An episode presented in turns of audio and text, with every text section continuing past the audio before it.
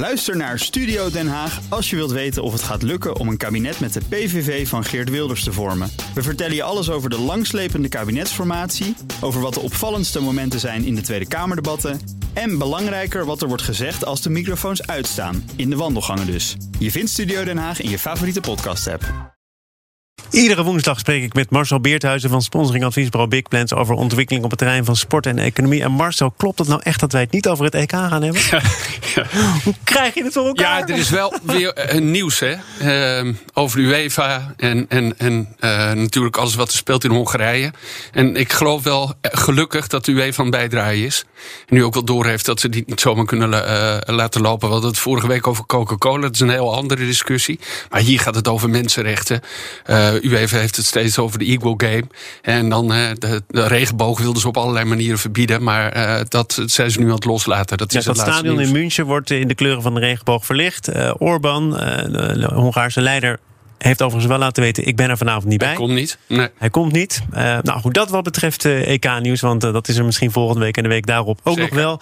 Nu naar iets wat heel lang al nieuws zou gaan worden. En het lijkt er ook echt van te komen, namelijk de online kansspelmarkt. Die gaat op 1 oktober open. Ja.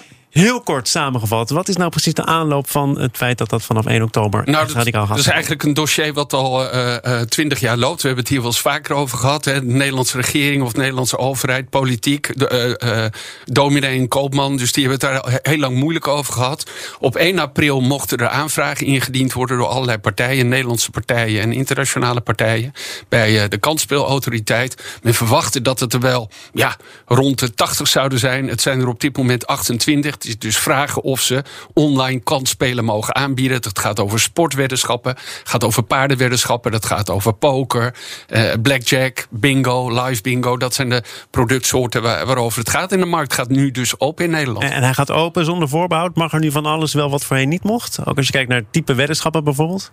Ja, zeker. Nou, niet alles. Uh, er zijn best veel restricties. De KSA die heeft heel veel regels opgelegd. En dat is maar goed ook, hè, om mensen te beschermen. De gedachte hierachter is... er spelen nu meer dan een miljoen mensen illegaal, zeg maar. Dat geld vloeit weg. En er is ook geen enkele bescherming voor die mensen.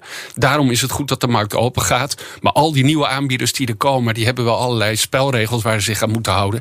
Bijvoorbeeld iets heet crux. Ze moeten iedereen die ooit in een probleem is geraakt... Uh, uh, registreren.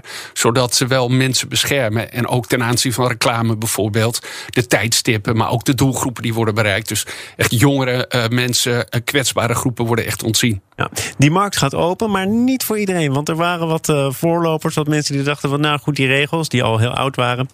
hebben wij wat minder mee te maken. Die zitten nu op het strafbankje. Ja, strafbankje. Andere mensen noemen het cooling down periode van zes maanden. Dat waren inderdaad internationale partijen... die zich wel op de Nederlandse markt richten. Ze zeiden wel van niet, maar dan lieten ze bijvoorbeeld betaling toe met Ideal. En dat is een betaalsysteem dat je alleen in Nederland kan gebruiken. Dus de KSA heeft daarvan gezegd... hé, hey, dat mag niet, je krijgt een boete... en uh, je moet zes maanden uh, later mag je pas de markt op. Dus dat is nog wel een groep. Dat zijn uh, een aantal internationale partijen... Die, die pas later op de markt komen. En dat is dus vanaf, uh, vanaf 1 april dan. Je zei het al, dat geld tot nu toe, de lekte dat weg. Er was weinig zicht op, er was weinig bescherming. Nu moet het allemaal wat gecontroleerder. En dat zou ook kunnen leiden tot een financiële injectie... voor de Nederlandse sport. Is dat zo? Ja, zeker. En zeker voor voetbal. Want he, heel veel van deze partijen die beginnen met sportweddenschappen. Dat is zo, zoals hun markt opbouwen. Daar kan natuurlijk ook veel gespeeld worden. Daar is veel van. En sportweddenschappen is wel voetbal, voetbal, voetbal. En dan komt tennis en dan komt Formule 1 en andere sporten. Dus je ziet wel dat dit een injectie voor het Nederlandse voetbal gaat, gaat betekenen. Ik denk wel van zeker 20 miljoen of meer. In de vorm van sponsorcontracten, bordreclame. Uh, oud-voetballers die ingezet worden als analist of als ambassadeur. Uh, ja, dus dat, dat gaat een hoop uh, opleveren. Betekent wel dat we ook allerlei soorten partijen te zien krijgen rondom de voetbalvelden. Ja, we hebben er heel lang over gedaan in Nederland. Het is heel erg lang ook nog weer blijven liggen in de Eerste Kamer, meen ik. Ja. Dat betekent wel dat we nu heel erg achter de troepen aanlopen als je het vergelijkt met het buitenland. En dat heeft als voordeel dat wij ja. nu kunnen inzien, zo moet het wel, zo moet het niet. Waar, eh, waar kom jij op uit? Nou, um, dat je voorzichtig moet zijn. En in andere landen is er echt een soort tsunami van reclame gekomen. die ook gewoon de consumenten, mensen enorm heeft geïrriteerd. En wat er uiteindelijk ertoe geleid heeft, bijvoorbeeld in Zweden, maar ook in Italië. In België zijn er aanpassingen geweest dat soms reclame helemaal is verboden. Nu in Engeland, in Spanje, eh, wordt er gesproken om sponsoring van voetbalclubs bijvoorbeeld helemaal te verbieden. Gewoon omdat uh, ja, niet goed over werd nagedacht. Dus de partijen die dit gaan brengen naar Nederland hebben een enorme verantwoordelijkheid. Daar wordt ook wel gesproken door de Nederlandse partijen, de Nederlandse Loterij, de Holland Casino's van deze wereld. Praat ook met internationale partijen om zelf gewoon zich aan spelregels te houden. Um, dus dat is een onderdeel daarvan. En CASA die zal natuurlijk ook opletten. En ook mediapartijen die zijn aan het praten. Hè. Bijvoorbeeld dat je in een reclameblok nooit meer dan twee commercials ziet van een aanbieder van oh, kansspelen. En volgens mij ook het tijdstip, toch? Ja, dat is door de KSA opgelegd. Dus uh, deze bedrijven mogen pas na negen uur s avonds adverteren. Carmen? Ja. Ik heb twee vragen. Oh, uh, je zegt van, uh, ja, weet ik. je zegt dat de consument dan ook beter beschermd wordt. Betekent dat dat ze ook onder toezicht van AFM of iets dergelijks vallen? Ja, deze partijen moeten echt die moeten, allerlei aanvragen indienen. Ook als jij je wil registreren als spe speler, moet je door een enorme waslijst van allerlei dingen die je moet opgeven.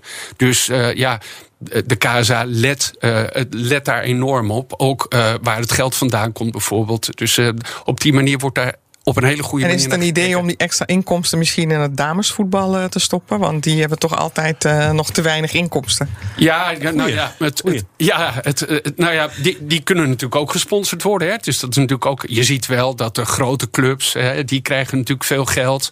Uh, de Eredivisie en de Keukenkampioen-divisie is met Holland Casino in gesprek. De Toto sponsort allemaal Eredivisieclubs. Jacks Casino is met de tweede divisie bezig. En de vrouwen zullen heus niet vergeten worden, dat weet ik zeker. De kansspelautoriteit eh, gaat eh, voor 1 oktober klare wijn schenken. Dank Marcel Beerthuizen van uh, Big Plant, het, uh, het sportmarketingadviesbureau. Nee, sponsormarketingadviesbureau. Zo kan ik beter zeggen. Tot volgende week. Ook Thomas van Zeil vind je in de BNR-app. Je kunt live naar mij luisteren in Zaken doen. De BNR-app met breaking news, het laatste zakelijke nieuws... en je vindt er alle BNR-podcasts, bijvoorbeeld Het Nieuwe Geld. Download nu de gratis BNR-app en blijf scherp.